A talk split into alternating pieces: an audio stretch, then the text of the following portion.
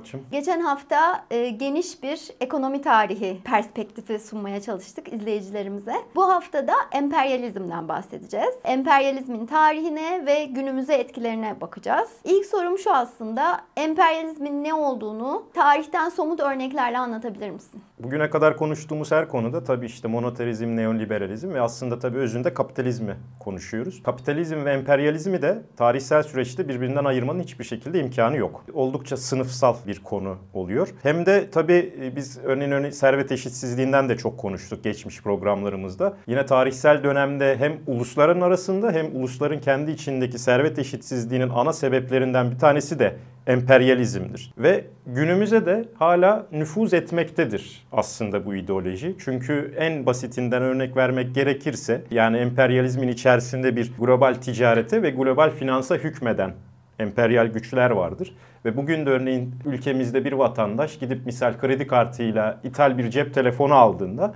aslında hala bu geçmişten gelen global ticaret ve global finansın da içinde bir şekilde hareket etmiş oluyor. Şimdi öncelikle çok kısa bir emperyalizmin tanımını yapmak lazım. Emperyalizm nedir? Emperyalizm büyük bir merkezden uzaktaki, çeperdeki diğer topraklara, uluslara hükmetmektir. Ve bu hükmetme şekli işte sömürü şekli oluyor tabi. Bunu yaparken de elinizde işte asgari, politik, ekonomik, kültürel veya diplomatik bazı güçler oluyor. Buralardan giriyorsunuz. Şimdi biz tabii tarihsel sürece bakacağız ama emperyalizmden kasıt böyle daha eskinin sanayi devrimi öncesinin emperyal ülkelerin e, toprak uluslarından değil örneğin Roma ve Osmanlı'dan değil de özellikle sanayi devriminden itibaren ortaya çıkmış emperyalist uluslara e, değinmek lazım e, bu programda. Tabii bu emperyalist ülkelerin başında da Avrupa ülkeleri geliyor dönemde. Bunlar İngiltere, Fransa, Almanya, İtalya bir yere kadar da aslında Belçika. Emperyalizmin tarihi modern çağda sanayi devrimiyle beraber başlıyor dedik. Yaklaşık 1760 yılı diye tarihleyebiliriz aslında emperyalizmin başlangıcını. Ve İngiltere'den aslen çıkıyor fikir veya ideoloji olarak. İngiltere tabii en erken sanayileşmiş toplumlardan bir tanesi. Şimdi yeni sömürgeler arıyor İngiltere o dönemde. Bunların başında da Hindistan ve Çin var. Sonradan tabii İngiltere çok yayılıyor. Hani üstünde zaten bir laf vardır. Üzerinde güneş batmayan imparatorluk denirdi zamanında İngiltere için. Ee, ama o dönem Hindistan ve Çin'le başlıyor. Şimdi yeni sömürülebilecek hem ham madde kaynakları hem pazarlar arıyor. İngiltere o dönemde ve gidip de en yüksek oranda sömürdüğü e, işte emperyal bir şekilde nüfuz ettiği toprakların başında Hindistan geliyor. Hemen bir örnekle başlayalım. En ilginç bir örnek. Bu nasıl işlemiş pratikte o dönemlerde? 1800'lü yıllarda East India Company diye İngiltere merkezli yani Doğu Hint kumpanyası şirketi demek. Bu çok kuvvetli bir şirket. Gerçi sonradan da tamamen İngiliz hükümetinin himayesine giriyor. Bu e, İngiltere veya bu emper, İngiliz emperyalistleri diyelim. Kelimeyi de düzgün kullanmak lazım. E, çünkü bütün İngiliz halkından bahsetmiyoruz burada. İngiliz emperyalistlerinden bahsediyoruz. Burada Hindistan'a gittiğinde Hindistan'da bir büyük bir tuz ticareti var. Bu tuz ticareti üzerine Hindistan'da bir tekel oluşturuyor. Yani bütün ticareti yönetip yönlendiren ve bundan vergi alan bir şey. Öyle ki öyle bir vergi koyuyor ki Hindistan'da tuz ticaretine bir anda tuz fiyatları 3 katına çıkıyor. Ve bu çok dev bir gelir yapıyor ve tabi bu vergiden kaçmak için tuz kaçakçılığı başlıyor o Hindistan koca topraklarında. Bu tuz kaçakçılığının önüne geçmek için de İngiliz emperyalistleri kuzeyden güneye kadar 2500 kilometrelik böyle koca dikenli çalı ve ağaçlardan oluşan bir çit örüyorlar. 2500 kilometre. Ve de dev bir çit bu böyle 4 metre genişliğinde, 3 metre yüksekliğinde falan bir çit. Ve yaklaşık 12 bin tane de bekçi diziyorlar bu çitin üstüne. Tuz kaçakçılığı yapmasın Hindistanlılar diye. Ve tabii yaklaşık bir 100 yıl boyunca dev bir vergi topluyor bunun üstünden Hindistan'da İngiltere. Bu birinci aşaması. Peki ne zaman bitiyor aslında bu? 1930'da Mahatma Gandhi'nin tuz protestoları vardır. Zaten Gandhi işte pasif direniş şeklinde Hindistan'ın e, İngiliz emperyalistlerin sömürgesinden çıkıp da bağımsızlık yoluna doğru giderken aslında bir nevi tuz protestolarıyla başlamıştır bu. Ve bu protestoların ismine de aslında Gandhi ve e, çevresi Satyagraha diyor Sanskrit dilinde. O da aslında hakikatte ısrar demek. Yani tuz protestoları Gandhi'nin İngiliz emperyalizmine karşı yaptığı hakikatte ısrar protestosudur aslında. Ve ilk başta 78 kişiyle başlıyor. Pasif direniş şeklinde yürüyüşlerle başlıyor ve bir süre sonra da İngiltere, İngiltere e, emperyalizminden Hindistan bağımsızlığını kazanıyor. Bir diğeri de Hindistan tabi sadece tuzunu sömürmüyor İngiliz emperyalistleri Hindistan'ın. Çok fazla yayılıyor bütün ülkedeki ticaret hatları, gümrükler vesaire gibi. Ve Hintli bir profesör var ismi Utsa Patnaik. Çok değerli bir ekonomisttir. 1760-1938 yılları arasında İngiliz emperyalistlerin Hindistan'dan toplam götürdüğü servetin hesabını yapmış 45 trilyon dolar. Yani İngiliz emperyalistleri Hindistan'ı 45 trilyon değerinde sömürdü diyor. Bu da son dönemde İngiltere'nin 17 yıllık milli gelirine eşdeğer. Yani ne kadar dev bir sömürü olduğu bu rakamdan ortaya çıkıyor. Yine bir diğeri de sadece vergiyle yapılmıyor aslında. İngiliz emperyalistler gidiyor misal Hindistan'a vergi salıyorlar. Bu aldıkları vergiyle ondan sonra gidip Hint mallarını alıyorlar. Yani Hintlerin parasıyla Hint malını alıyor. Sonra gidiyor bunu ya İngiltere'de kullanıyor veyahut başka ülkelere satıyor bir de onun üstünden kar elde ediyor. Bir üçüncü aşamadaysa daha da ileri aşamasında Hintli bir üretici yurt dışına bir mal satmak istediğinde misal Almanya'ya diyelim gelip Alman Hintli üreticiden doğrudan mal alamıyor. Önce gidiyor Londra'ya altın veriyor. Bunun karşılığında Council Bill denen bir konsey tahvili diye bir şey alıyor. Bu konsey tahvilini sonra gidip Hintli üreticiye verip malı alıyor. Hintli üretici de ondan sonra böyle İngilizlerin kurduğu döviz bürosu gibi bir yerde bu Londra'dan gelen konsey tahvilini bozdurup karşılığında rupi alıyor. Ama o döviz bürosu gibi yerinde Hintliye verdiği rupi İngilizlerin yine aslında o halktan topladığı vergi. Yani sömürü düzeni emperyalist sistemde böyle çalışıyor. İkinci ülkemiz Çin. Çin İngiltere'den yine o dönemde çok yüksek oranda çay satın alıyor. Çay çok tüketiliyor İngiltere'de. Ve de bunun karşılığında da tabii çok büyük bir ticaret oluş ticaret açığı oluşmaya başlıyor İngiltere'nin Çin'e karşı. Bunu kapatabilmek için de İngiltere, İngiliz emperyalistleri Çin'e afyon satmaya başlıyor. Bildiğimiz uyuşturucu. Bunu da Hindistan'da üretiyorlar. Hindistan'da üretilen afyonu Çin'e satıyor. Çin halkı tabii ki inanılmaz bir bağımlılık içine düşüyor. Fiziki olarak çürüme yaşıyor ve Çin otoriteleri, Çin yöneticileri afyon ticaretini yasaklıyor. İngiliz emperyalistleri de buna karşı ordusuyla gelip Çin'i bombalıyorlar. Savaşı kazanıyorlar. Hong Kong'u ele geçiriyorlar ve Çin üzerinde bir sürü ticaret imtiyazları kazanıyorlar. Son örneğimiz de Afrika'dan. Bu sadece tabii İngiltere değil, çok fazla yine Avrupalı emperyalist ulusun, bunun içinde Almanya, Fransa, İtalya, Belçika dahil. Afrika 1880'e kadar çok fazla aslında sömürgeleştirilmemiş bir grup. Sadece Afrika'nın denizdeki kıyı kısmı da işte böyle kolonileri var Avrupalı emperyalistlerin. Kıtanın iç tarafına giremiyorlar çünkü sıtma hastalığı var. Ancak o dönemde tıp alanında kinin keşfediliyor. Kinin de sıtma ilacı. Onun içinde kinin sıtmanın ilacını bulunca bu sefer kıtanın içine girip 1880-1900 yılları arasındaki 20 yıllık süreçte bütün Afrika'yı sömürgeleştiriyorlar. Ve tabi bu Birinci Dünya Savaşı'na doğru da giden bir yolun önünün açılmasını sağlıyor. E, çünkü arada da artık bu emperyal güçler pek artık e, elde edebilecek, yeni kazanılabilecek, sömürülebilecek yeni ham madde kaynakları ve pazar elde edemiyorlar.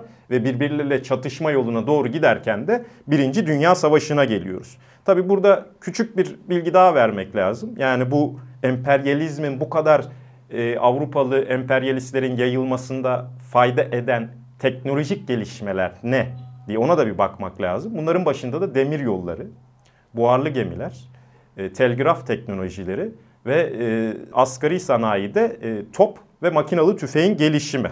Şimdi emperyalizm ve kapitalizmin çok e, yakın bir ilişkisi olduğunu söyledin sen programın başında. Ve bu dönemde bazı kuramcılar ortaya çıkıyor ve bu ilişkiyi e, daha iyi anlamaya çalışıyorlar. Mesela bir kısmı emperyalizmin kapitalizmin doğal bir sonucu olduğunu söylüyor. Yani kapitalizmin büyüme ve sürekli kar elde etme amacıyla tutarlı bir şekilde emperyalizmin de yeni ham madde ve pazarlar bulduğunu söylüyor. Diğer yandan emperyalizmin kapitalizmin serbest ticaretten mesela ve rekabetten elde edebileceği kazanımları baltaladığını ve emperyalist ülkelerin kendi içinde servet eşitsizliğini arttırdığını savunan kuramcılar da var. Biraz istersen bu düşüncelere bir bakalım. Emperyalizm kelime olarak biz bunu bugün artık dünyada herkes kötü bir şey olarak aslında kullanıyor. Emperyalist böyle kötü bir söz. Yani sanki hakaret eder. İşte sen vahşisin, sömürgecisin demek gibi. Ama 19. yüzyılın e, Avrupalı emperyalistleri bunu aslında bir övünç kaynağı olarak söylüyorlar. Emperyalizm iyi bir şeydir ve bir milli gurur, böyle övünülecek bir şeymiş gibi bahsediyorlar emperyalizmden. Ancak bunun iç dinamiklerini inceleyen kuramcılar emperyalizmin bunun böyle olmadığını söylüyor. Bunun milli böyle övünülecek bir kaynak bir şey olmadığını. Bunların başında da John Hobson geliyor. İlk ve en önemli emperyalizm kuramcılarından kendisi. 1902 yılında e, Imperialism a Study diye bir eser yayınlıyor. Yani emperyalizm üzerine bir çalışma.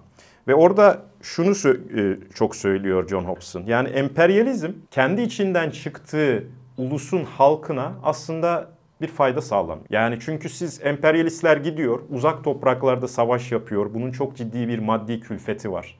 İşte e, savaş sanayine büyük paralar harcanıyor. Bu bir. İkincisi emperyalistler üretimini örneğin yeni sömürmeye başladığı topraklara da kaydırmaya başlıyor. Onun için aslında emperyalizmin çıktığı ülkenin içindeki ulusa belki bu istihdam kaybı olarak yansıyor. Ve bu kadar yüksek paralar harcanırken savaşa, işte üretimin e, yurt dışına kaydırılmasına biz kendi içimizdeki halkımıza ki çok ciddi sorunlar, büyük fakirlikler var, işçi sınıfı çok zor geçiniyor veya geçinemiyor. Yani niye sosyal reformlar yapılmıyor diyor ve diyor ki aslında yani emperyalistler yalancı. Bu milli böyle övünülecek bir şey değildir diyor. Peki neden o zaman emperyalizm bu kadar ittiriliyor sorusunun cevabını da şöyle bir şey diyor. Bunu savaştan, sömürgecilikten yani emperyalizmden çıkarı olan ufak bir azınlık ittiriyor diyor. Onlar da tekelci kapitalistler ve bankerler. Yani emperyalizme sınıfsal yaklaşımın önünü açan kişi aslında John Hobson'dır diyebiliriz. Ve de John Hobson emperyalizmi kapitalizmin doğal gelişimi olarak görmüyor aslında. Çünkü rekabetçi kapitalizmin bütün halka bir fayda, bir utilitarian şekilde bir faydası olabileceğini söylüyor. Ama tekelci kapitalizm ve emperyalizmin buna zarar verdiğini söylüyor.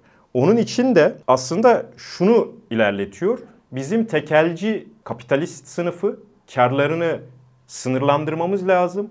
Daha eşitçi bir bölüşüm, daha hakça bir bölüşüm sağlanması lazım toplumun içerisinde ve de emperyalizme karşı çıkmamız lazım. Çünkü emperyalizm dediğimiz gibi aslında kapitalizme zarar veriyor diyor. Şimdi bir sonraki aşamada 1917 yılında tabii Lenin çok önemli bir eserle geliyor. Emperyalizm kapitalizmin en üst aşaması diye bir eser çıkartıyor. Tabii John Hobson'dan çok esinleniyor bunu yazarken Lenin. Ancak Lenin ile Hobson arasında çok büyük bir fark var. Hobson emperyalizm kapitalizmin doğal bir uzantısı değildir. Hatta kapitalizme zarar verir. Biz kapital e, biz emperyalizmi reforme edelim. Tekelci kapitalizmi reforme edip daha rekabetçi bir kapitalizme geçersek daha iyi olabilir derken Lenin hayır diyor. Emperyalizm kapitalizmin doğal bir uzantısıdır diyor. Çünkü kapitalizm özünde zaten tekelcilik vardır ve bu tekelcilikle beraber her, her ulusta bir tekelci kapitalist ve banker sınıfı oluşur ve bundan sonra da bu tekelci kapitalistler dünyada sömürülecek başka topraklar arayacaktır. Aramak zorundadır. Çünkü yeni ham madde ve yeni pazarlara ihtiyacı vardır. Ve emperyalizm kapitalizmin içinden çıkar. Ve tabii her ulusun da kendi emperyalist sınıfları oluşunca bir yerden sonra bunlar da bütün dünyayı böyle nasıl bölüşürüzün içerisinde çatışmalar, savaşlar, kırımlar ve vahşet çıkacaktır diyor. Ve Lenin şunu söylüyor en nihayetinde. Emperyalizm reforme edilip rekabetçi kapitalizme çevrilebilecek bir şey değildir diyor. Emperyalizmin ve tekelci kapitalizmin çözümü topyekun bunu reddetmektir ve devlet sosyalizme geçmektir diyor. Nitekim tabii Lenin'in başa çektiği Bolşevikler yine aynı yıl 1917'de tabii e, Çarlık Rusyası'nı devirerek Rusya'da bir Sovyet e, sosyalist devlet kuruyorlar. Burada tabii biraz daha farklı bir yere de değinebiliriz tartışmaların ne olduğuyla ilgili bu dönemde. Bir de Joseph Schumpeter var. Joseph Schumpeter daha aslında liberal ve muhafazakar kanattan gelen biri. Marksizmin içinden çıkan emperyalizm eleştirisi ki tabii en önemli şey buradaki bunun sınıfsallığı. Yani emperyalizm böyle halka, içinden çıktı halka bir şey sunan bir şey değil. Yani burada belli sınıflar var. Üst kapitalist, servet sahibi ve güç sahibi sınıflar. Bunlar bunu ittiriyor. Joseph Schumpeter bunu kabul ediyor. Evet diyor üstte bir azınlık var. Emperyalizmi de bunlar körüklüyor. Bunun da evet zararı vardır diyor. Ama bunun sonucunda işte yani emperyalizme geçelim, anti emperyalist olalım, anti kapitalist olalım demiyor.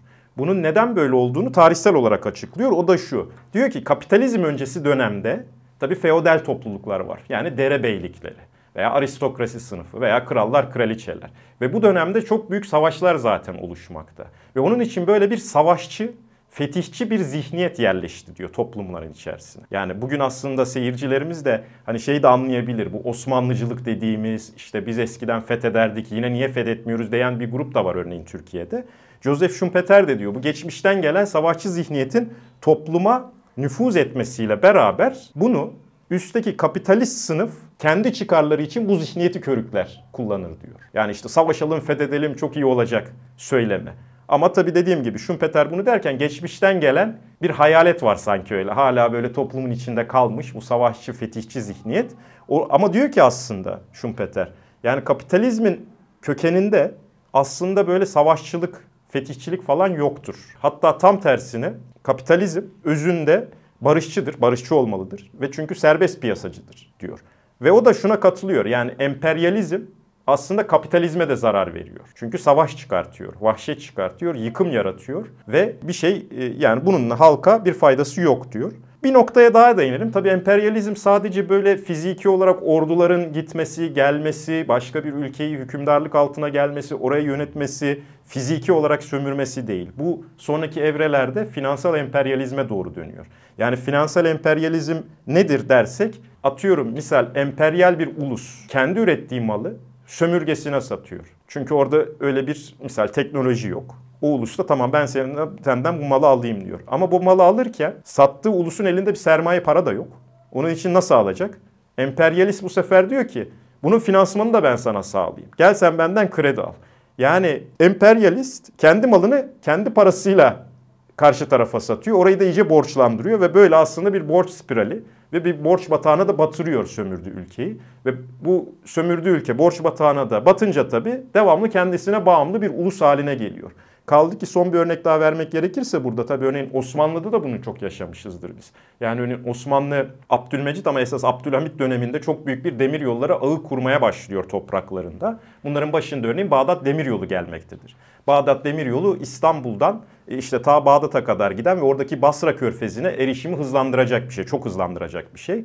Bunu yapan da Almanlar. Yani Almanlar geliyor kendi mühendisleri, kendi ekipmanlarıyla onu kuruyor. Bunu yaparken de Alman bankaları gelip bunu Osmanlı topraklarında finanse ediyor ve 100 yıl boyunca da bu e, hattın işletme imtiyazını kendi elinde bulunduruyor. Yani evet Osmanlı döneminde, Abdülhamit döneminde örneğin çok geniş bir demiryolu ağı kuruluyor Türkiye'de. Yani bugünkü Türkiye topraklarında. Ama bunu yaparken de aslında siz gidip emperyalist bir gruptan aldığınız ekipman, mühendis, ve yine onun parasıyla, ondan aldığınız borçla bunu yapıyorsunuz. Ve bir noktada da zaten Osmanlı hükümetinin gelirlerinin yarısı yabancı borç ödemesine gitmeye başlıyor. Çok ufak daha bir şey vermek lazım. Tabii emperyalizm biz ekonomik olarak açıklıyoruz. Yani ekonomik açıdan değerlendiriyoruz bu programda ama bunun bir kültürel altyapısı da var. Çünkü bir emperyalist çıkıp yani misal emperyalist bir İngiliz grup çıkıp o dönemde şey diyemiyor. Yani ya işte sevgili İngilizler gelin ben şu ülkeyi sömüreceğim size hiçbir faydası yok ama gelin beni halk olarak destekleyin diyemeyeceği için bunun kültürel bir altyapısını oluşturmaya çalışıyor. Bunu da en iyi açıklayan düşünürlerden biri Edward Said'dir. Orientalizm kitabında bunu açıklar. O kitapta şunu der. Batı dünyası doğuya baktığında böyle değişmeyen, statik, böyle gizemli ama bir tarafta da ilkel ve vahşi bir e, kültür olarak görür doğuyu. Yani oryantalizm budur aslında diyor. Ve de böyle ilkel ve geri ve vahşi gördüğü için Batı toplumu onu böyle medenileştirme görevi olduğunu iddia eder. Veya ben üstün ırkım, Batı ırkı olarak Doğu ırklarından üstün ırkım, onun için oralara hükmetme hakkım vardır der. Yani bunu tek kelimeyle açıklamak gerekirse aslında bu ırkçılıktır. Emperyalizmin de zaten kültürel altyapısı ırkçılıktır. Emperyalist sınıflar başka bir ulusu sömürürken kendi halklarını yanlarına işte bu ırkçılıkla alırlar. Biz şöyle ulu bir ırkız, şöyle ulu bir ulusuz, şöyle iyiyiz deyip halkı yanına alır emperyalist. Bununla beraber gider. Ya bunlar zaten geri kalmış vahşi ırklar. Biz buraları sömürelim. Bir de medenileştiririz belki diye bir sözde toplumu da yanlarına çıkma, çekmeye çalışırlar. Dediğim gibi ırkçılık ve radikal milliyetçilik besler aslında emperyalizmi. Sana şunu sormak istiyorum. 20. yüzyılda pek çok ulus bağımsızlığını ilan etti. Ama emperyalizm hala pek çok alanda sürüyor. Birkaç örnek verebilir misin 20. yüzyıldan ve günümüzden? Emperyalizmin e, etkilerini nasıl hala hissedebiliyoruz hayatlarımızda? Evet yani 20. yüzyılın tabii ilk yarısında çok büyük anti-emperyalist güçler yani bu batılı emperyalist güçlerin sömürgeciliğine karşı bağımsızlığını, kendi uluslarını, kendi halklarının bağımsızlığını isteyen liderler ve düşünceler çıkıyor anti-emperyalizm başlığı altında. Bunların içinde de tabii en büyük örnekler Rusya'da Çarlığı deviren Bolşevikler, Lenin'in liderliğinde. Yine Çin'de Mao Zedong ve tabii kendi ülkemizde de bu toprakların yüz akı Mustafa Kemal Atatürk. Çok büyük bir anti-emperyalisttir Mustafa Kemal Atatürk. Yani Osmanlı topraklarına dadanmış bu emperyalist güçleri tabii ki hem gönderir, defeder ve tekrardan yeni bir ulus bilinci kurup ülkenin kaynaklarını daha hakça, daha eşitçe, daha adil bir şekilde halkımızın refah için kullanılması yönüne giden yolu açmıştır. Bu bakımdan Atatürk'ün e, yani değeri yani anlatılamayacak bir boyuttadır. Bunun haricinde tabii 70'lerde Vietnam vardır. Vietnam'da yine Batı dünyasından bağımsızlığını almıştır ama ne hale geldiğini de 70'lerdeki e, Vietnam Savaşı'nı halinde görebiliriz. Ülkede bayağı bir yıkılmıştır.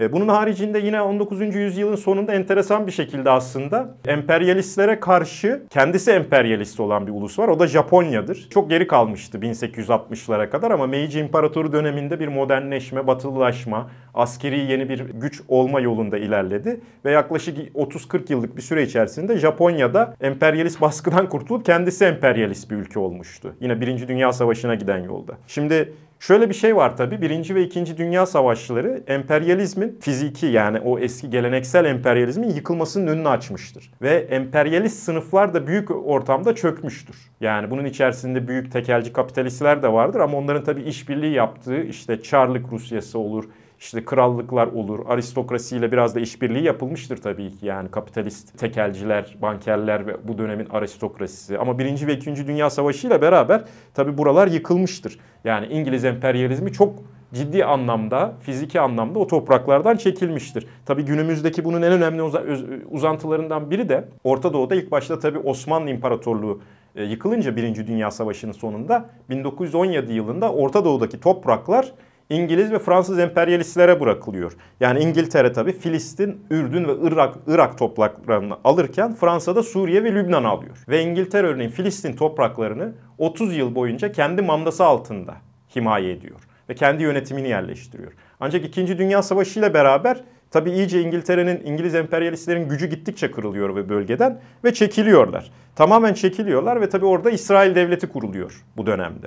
Ancak şuna da dikkat etmemiz lazım. Yani tarihten gelen o 19. yüzyıl emperyalizmi yıkılmıştır. Birinci ve İkinci Dünya Savaşı ile daha geleneksel anlamda diyebileceğimiz. Ancak tabii İkinci Dünya Savaşı'ndan sonra da Amerika ve Rusya, Sovyet Rusya arasında ve bugünün Rusyası diyebileceğimiz bir soğuk savaş dönemi başlamıştır.